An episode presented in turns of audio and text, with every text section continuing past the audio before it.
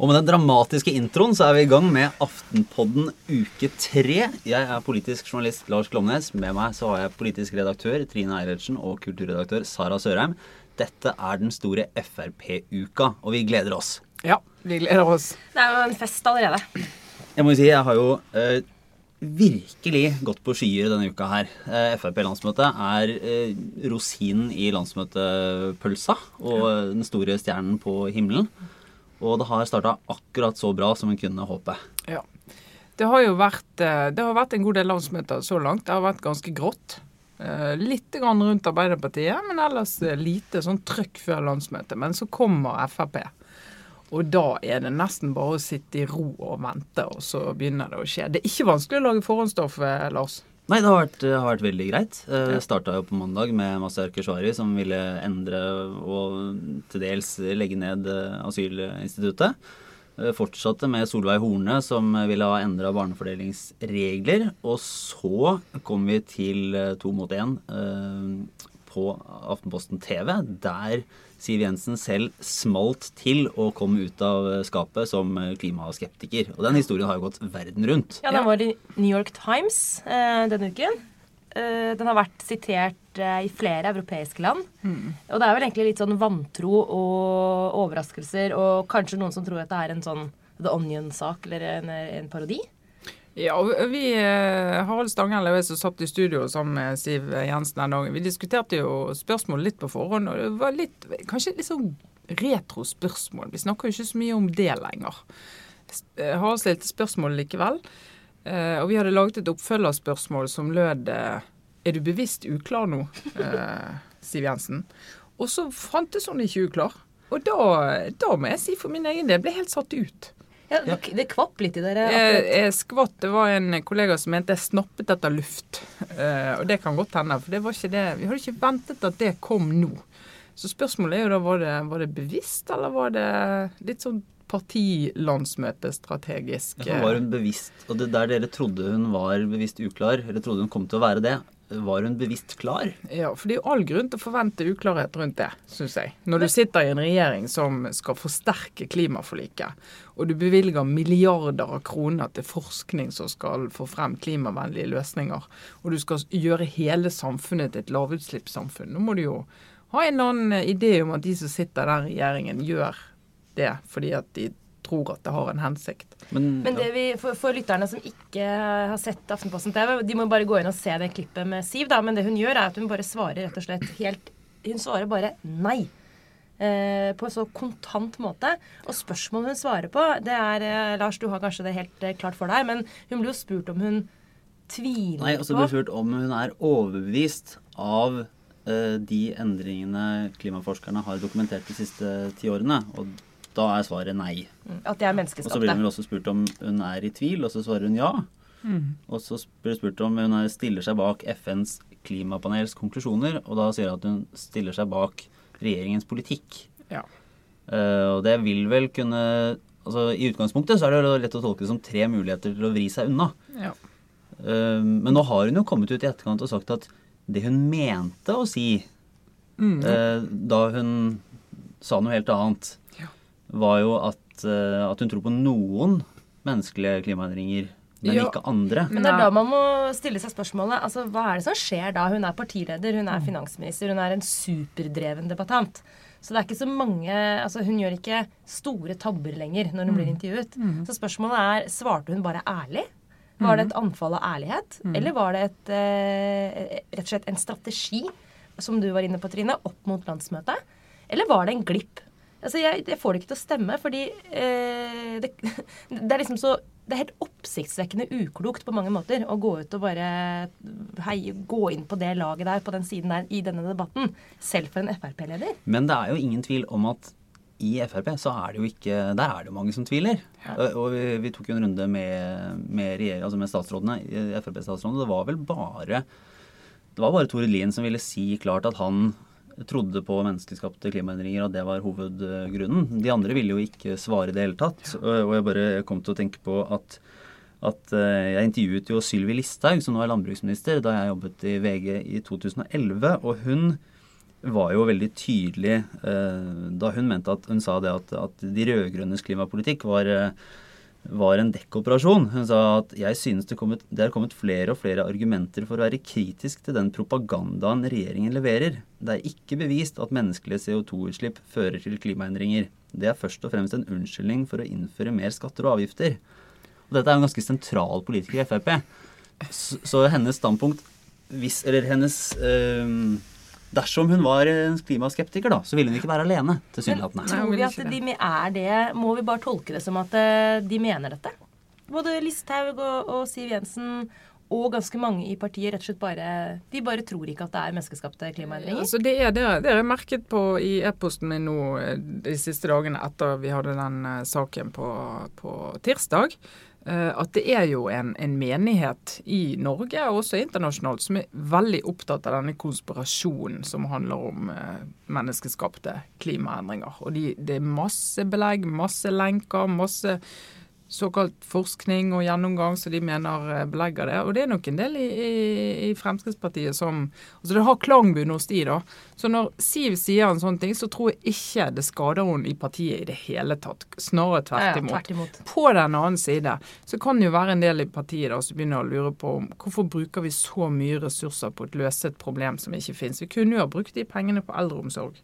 Kunne jo ha brukt det på mer veier, istedenfor å bruke penger på, på klimaforskning. Så er det jo ikke de, de som eh, Man skal si linja til, til, de som snakker om det i Frp, er jo ikke så konspiratorisk i, i utgangspunktet. Det er vel mer eh, Ketil Solvik-Olsen, som jo er en av de mest sånn, klimavennlige Frp-erne i toppen, sa vel eh, til oss i går at vi er ikke sikre på om det er 20% 25% eller 50% som er menneskelig eh, som er et resultat av menneskelig aktivitet.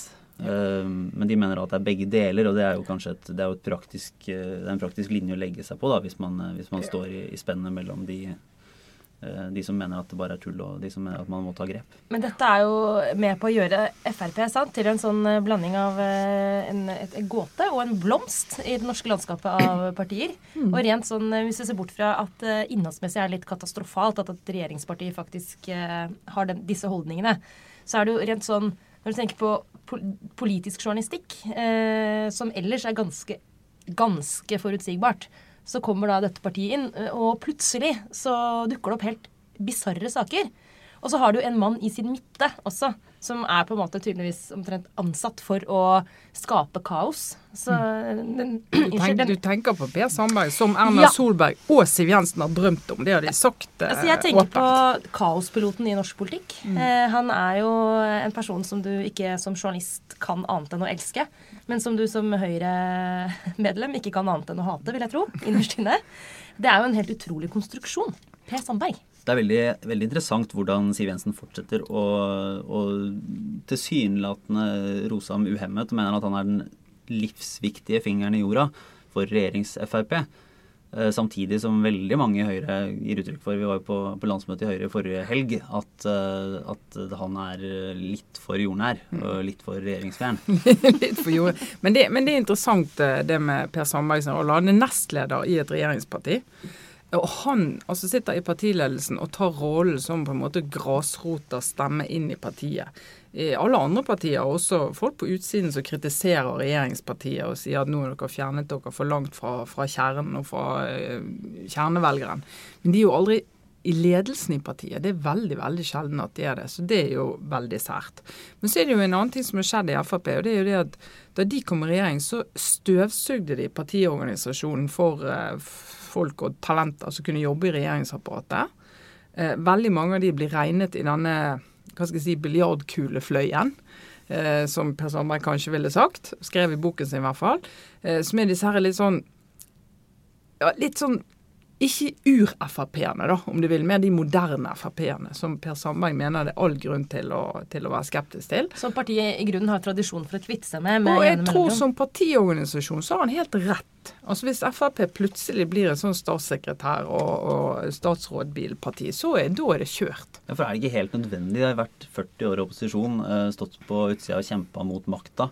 Det ville vel vært eh, fryktelig umusikalsk for deres egne tillitsvalgte hvis eh, hele toppen flytta inn i regjeringskvartalene, og så blei de plutselig et sånn Høyre pluss. Ja, over natten eh, sosialisert inn eh, i det, i det systemet de har kritisert i alle år. Så sånn sett er jo det helt riktig. Men det er klart for, for høyrefolkene Det holder på å rable for de av og til. Sant? Fordi at de tenker dette trenger vi ikke. Jo Hvem ingen- trenger en opposisjon når du har Per Sandberg, på en måte? Og det er jo ingen hemmelighet at i løpet av den vinteren her, så har det jo vært eh, Altså det har vært ganske slitsomt, tror jeg, i de mange villaer eh, med de store hagene rundt omkring. Med liksom eh, de utrolig Hva skal vi si Den klassiske høyrevelgeren.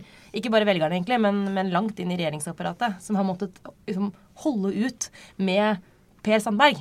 Og det er klart at det, det Jeg veit ikke hvor på en måte kontroll Siv Jensen egentlig har på han. Det er jo det som er det store spørsmålet. Altså, Den strategien her, det kan være et genitrekk, men det kan også være en ren sånn selvmordsstrategi. Ja, så spørsmålet om det er en strategi, eller om Siv Jensen har noe valg, Ja. og Frp har noe valg. Og det tror jeg mer på det siste enn det første. For det er jo, det er jo ofte sånn, det kjenner jo vi fra, fra si, næringslivet alle steder. Hver gang noe lykkes, så sier vi at det var en strategi. Eh, Men når det mislykkes, så sier vi at vi hadde ikke noe valg. Det var sånn det ble. Eh, Og dette blir jo eh, spennende å se om det lykkes. Hvis du ser på målingene, så har Frp de har jo ikke gått særlig bra etter budsjettet ble lagt frem. Det er sånn passe valgresultat, og de kom i regjering. De har jo ligget mye høyere ned. Mange år, mange valg. Ehm, og så kommer de med dette budsjettet i fjor, faller ned. Høyre har begynt å hente seg inn igjen.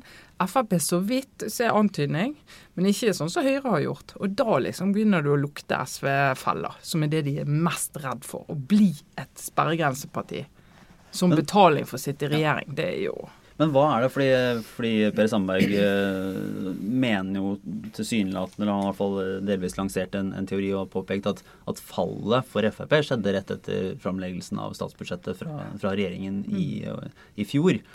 Eh, at det kanskje har vel så stor betydning som kranglinga i vår. Ja, og det, jeg tror han, han har jo eh, rett i det på den måten at det var da det begynte. Og før det, men da, det var jo da også de begynte å krangle mye òg. Da var det jo mye å krangle om. Og de var jo ikke så sentrale denne reservasjonsrettssaken. sant? Da hørte vi jo egentlig ingenting fra Frp. Det var egentlig en litt sånn mørk og stille vår for eh, Frp i fjor. Eh, lite å høre fra de. Så det var jo Så kom statsbudsjettet. Og da, så, ja, så er det jo én ting som En ting er jo, er jo utfordringen overfor egne velgere og, og den, den biten. Noe annet er jo at at det har jo Han har jo med sine uttalelser fyrt opp et ganske mye heftigere nivå opp mot KrF og, og Venstre. mot tullepartiene som eh, Ja, som Mazyar Keshvari kalte det før han måtte gå, gå tilbake. Det er, jo, det, er et, det er jo et sitat som er for godt til å ikke, ikke gjengi, men det er fra dette berømte NRK-intervjuet der, der Per Sandberg denger løs på KrF og anklager dem i etterkant av København-terroren. Sier at det er den samme uansvarlige retorikken fra KrF som har et meget stort ansvar for at tusenvis av unge mennesker født og oppvokst i Norge lever i frykt for tvangsekteskap, lever i frykt for kjønnslemlestelse. KrF har et enormt ansvar, sa Sandberg og fortsatte. Kristelig Folkeparti har et enormt ansvar for at flere titalls mennesker, unge mennesker, født og oppvokst i Norge, som reiser ut og slutter seg til terrororganisasjoner, driver med krigshandlinger og massakrerer barn og kvinner der ute. Dette er det Kristelig Folkeparti som har ønsket, og resultatet ser vi i dag. Det blei jo ikke så god stemning. Altså, det er ganske spesielt å si at eh, det ikke har vært så mye krangling, eller at det har vært andre som har stått for kranglingen, eh, når du selv har levert eh, det En sånn sitatet. en sånn Solveig, ja. Og det, og Knut Arild Hareide, et ellers eh, mildt menneske, leder i KrF, mild mann fra Vestlandet. Jeg har ikke sett han så rasende som i det Dagsnytt 18-intervjuet i bakkant gikk av det det. nesten av skaftet. Han gikk nesten av skaftet, og Per Sandberg skulle, hadde fått beskjed om å beklage. Gjorde det på, på et vis, men overhodet ikke nok.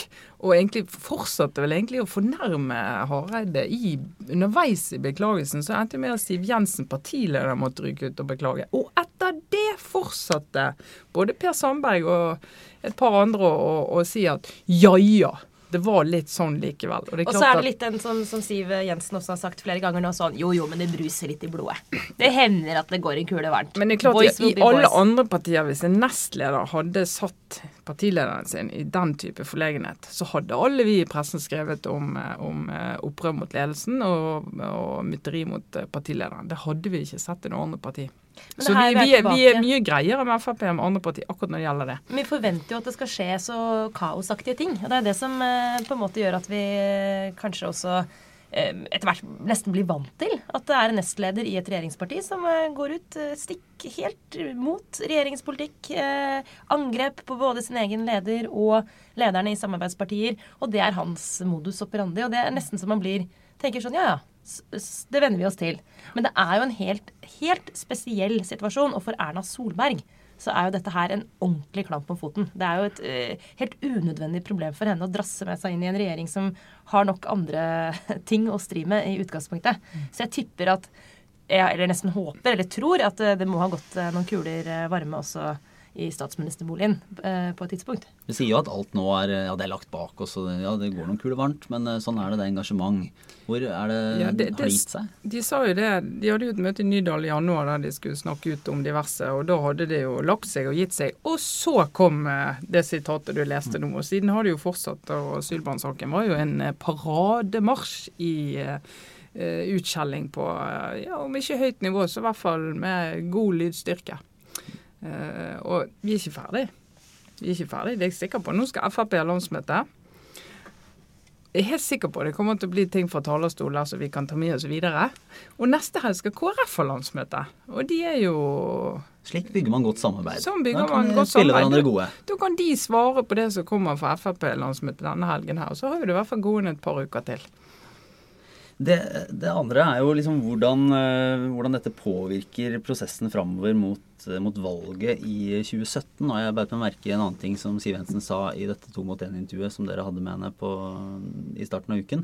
Og det var at hun fortsatt slo fast at Frp vil eh, da gå imot enhver regjering de ikke sitter i selv. Ja. Betyr det at drømmen til Trine Skei Grande om en eh, sentrum-høyre-regjering egentlig er død? Det, der er jo interessant, fordi at uh, den, fra den dagen Frp sa det første gangen, at vi kommer ikke til å støtte en regjering vi er ikke er en del av, så satt de seg i en posisjon som gjorde at, gjorde at de endte med regjeringsdeltakelse. Så det var jo en klok strategi i flere år. Og ikke nok med at de kom i regjering, men de slapp av med seg Venstre og KrF. For det ville de jo aldri uansett. Uh, men det er klart at hvis Frp var jo mye større når de snakket om det.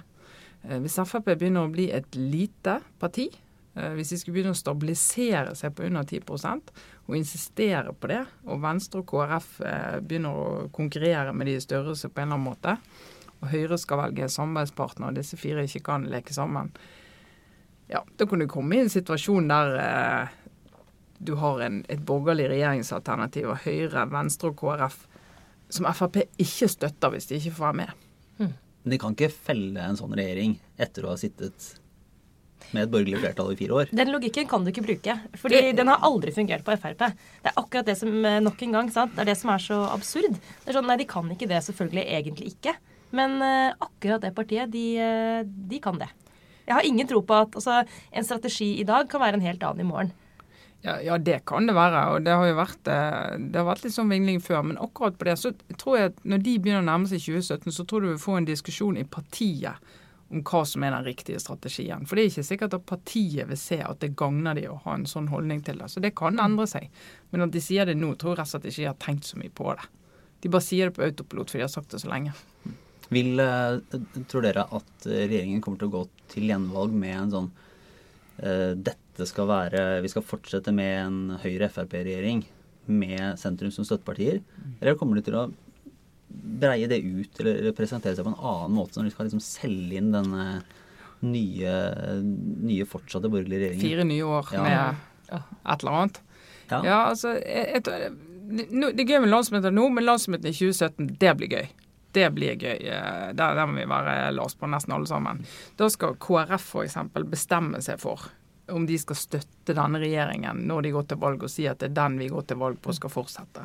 Eller om de skal si det rett ut at vi samarbeider med der vi får med det partiet vi får mest igjen fra. Jonas, Erna.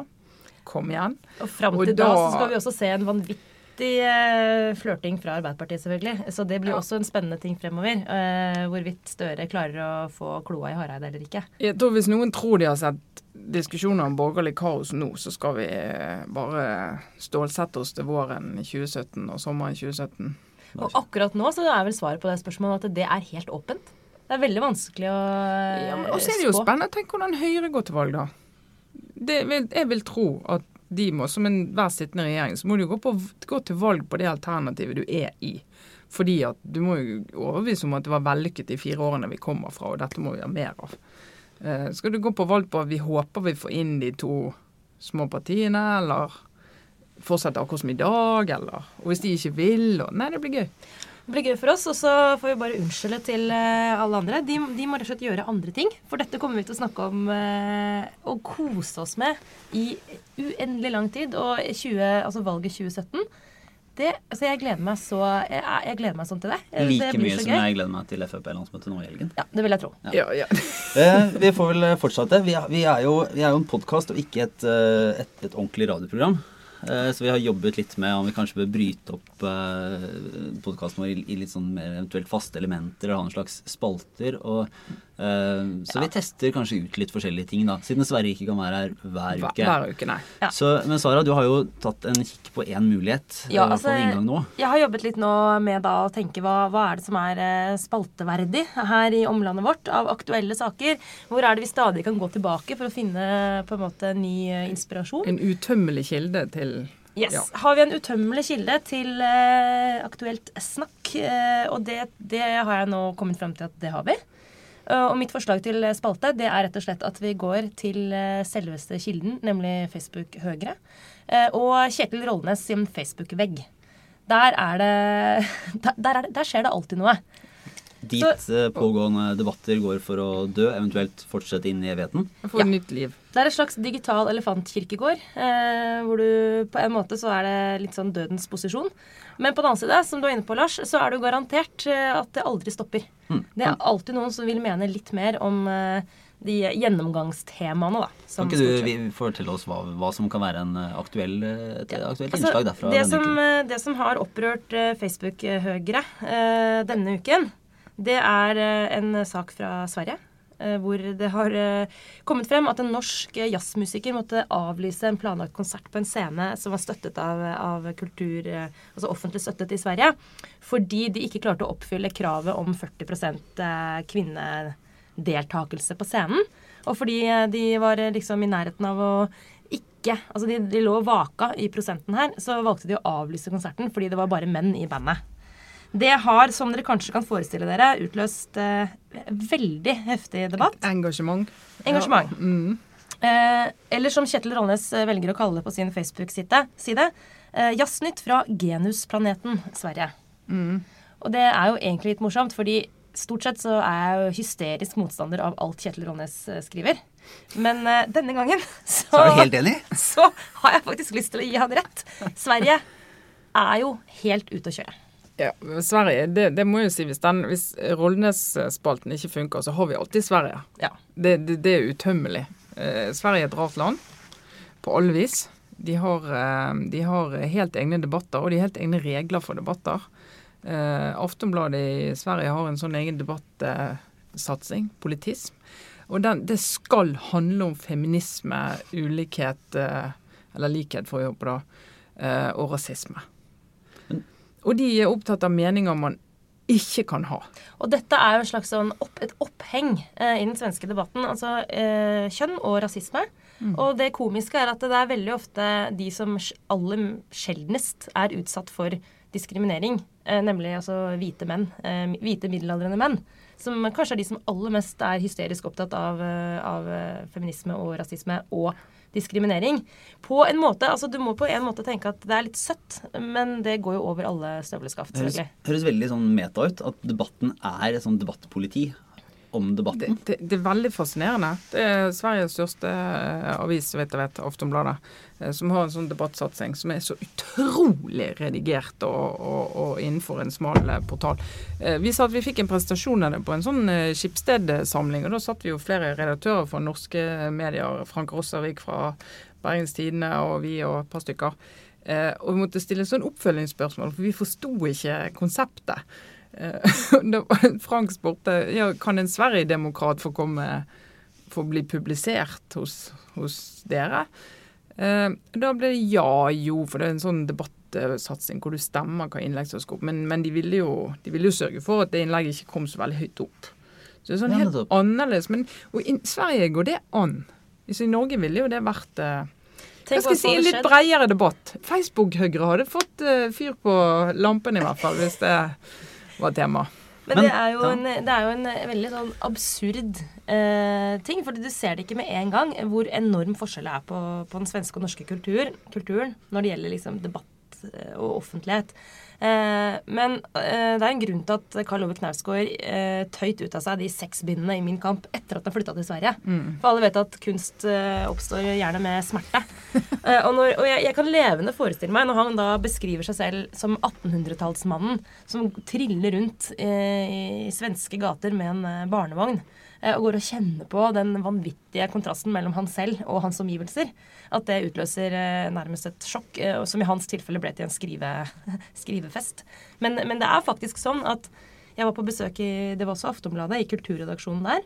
Eh, og det måten de redigerer avisen på, f.eks., er jo den samme som du beskriver, Trine. At, at innlegg som ikke reflekterer det politisk korrekte synet, kommer jo faktisk ikke på trykk. Og da, da er det over en helt annen diskusjon. Eh, og det vi har snakket om før i dag, er jo Fremskrittspartiet som fenomen. Hvis vi hadde vært en eh, svensk podkast, så hadde det hørtes eh, ganske annerledes ut. Men tilbake til denne kjernen om kulturkvotering. Er dere helt, helt enig i at dette er fjernt? Jeg så en som skrev der at det var sånn Rikskonsertene òg. Ja, det det, har du sjekket det, Sara? Du som er kulturredaktør eh, i eh, Norges Nei, største papiravis.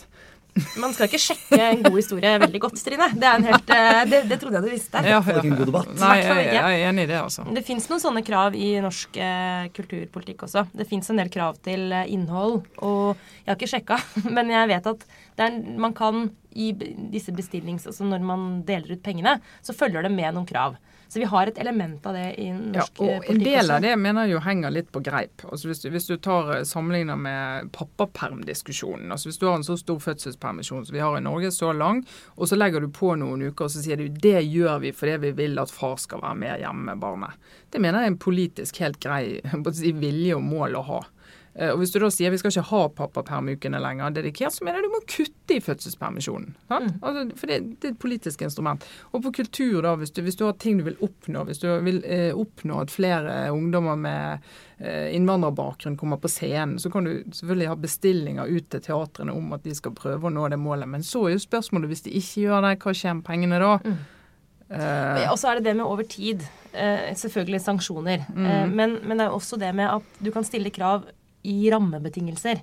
Men det er forskjell på å, legge, å si at rammene må være sånn og sånn over tid, eh, og det å gå inn i helt inn i I én konsert. I én konsert. Ja. Det er en finredigering av et uh, kunst- og kulturuttrykk som uh, Ja, det er faktisk styringshysteri. Ja, det er hysterisk. Og så ender det da kanskje med at han Hvis det blir en ren sånn tellekant, så kunne han Hvis han bare var én, én person, så var det, da kunne han bare være mann. Men hvis han har med seg fire i bandet, Ja, og det går så i det, så har det på en måte fylt opp eh, kvoten din. Ja, det går over i parodien, ikke sant. Fordi mange kvinnelige jazzmusikere eller musikere eh, er vokalister. Og så er kompet deres er veldig ofte menn. Så hvis det er fire menn i bandet, men en kvinnelig vokalist, så teller det likevel liksom fire-én. Og så, vet du hva, det, det blir for eh, det, det blir vanskelig å administrere, men det er også komisk.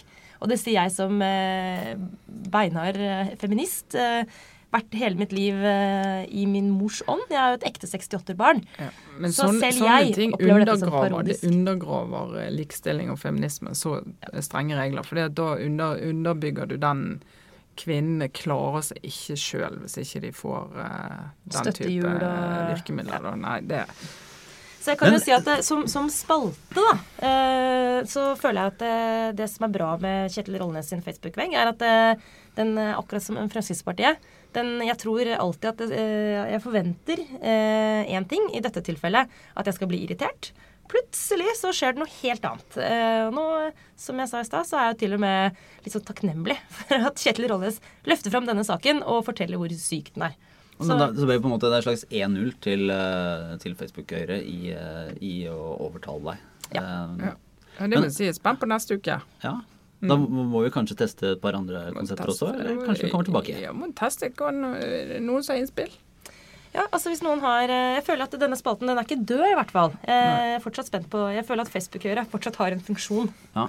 Jeg må, jeg må begynne å følge flere av de på Facebook, merker jeg. Er ikke, ikke nok inne i det universet. Men det burde jeg åpenbart ha vært. Jeg har lurt på spalten, eh, på en måte, den er ganske standard, men som er sånn ukens politiske vinner og taper. Men i Frp-uka så vil jeg da lure på om Siv Jensen er alt etter hvordan strategien eller eh, uhellet funker. Så kan hun både være vinner og taper. Ja, Hva tror dere, da? Etter, eh, hva tror dere blir dommen over eh, landsmøtet denne helgen? Det er jo ofte sånn følelse altså Kommer hun styrket ut som partileder, eller, eh, eller ikke? Har dere noen magefølelse på det? Min eh, oppgave er ikke å synes om eh, sånne ting. Jeg tror, om så- min- eh, jeg tror at det blir, jeg tror det blir veldig gøy. Og jeg tror det kommer til å, jeg tror det kommer til å fyre opp eh, Frp både landsmøtet litt mer enn det Erna Solberg og Høyre klarte. Så tror jeg det kommer til å komme masse interessant stoff inn i KrF neste uke. Ja, vi hadde et eksempel på Høyrelandsmøtet der eh, Erna Solberg, partilederen, gikk opp midt i en debatt, eh, satt foten ned og sa at eh, dette kan ikke jeg eh, gjennomføre hvis dere vedtar det. Eh, ganske sånn samferdselsspørsmål, ikke veldig viktig i detaljene. Eh, og sier da til landsmøtet at dette vil ikke at dere skal vedta. Bang. Det, det ødelegger for oss i samarbeidet med de fire andre partiene i regjeringen. Og Dette hører jo landsmøtet på, så de slutter med det. Det jeg er spent på, er om, og det spurte jo vi Siv Jensen om, om hun kan gjøre det på et Frp-landsmøte. Så det må være ekstra obs på, Lars, du som er der, om, om det Jeg som skal jobbe. Ja, du skal jobbe. Jeg skal, jeg skal feire bursdagen min 1. mai, og ellers være hjemme med ungene. For jeg er en mann som dekker landsmøtet. Sånn er livet. og så må, må du følge med på om hun kan gå opp til landsmøtet og si nå, kjære landsmøte, må dere ikke lage snubletråder for regjeringen. Det, Tror du det kan skje? eh, jeg tror det kan skje i teorien. Jeg tror kanskje ikke det skjer i praksis. Nei, det tror jeg Men, ikke før jeg får se det. Men eh, det får vel være nok for denne uka. Eh, det var, var hyggelig. Eh, vi takker for oss i Aftenpodden. Det var Lars Glomnes, Trine Eilertsen og Sara Sørheim. Ha det bra.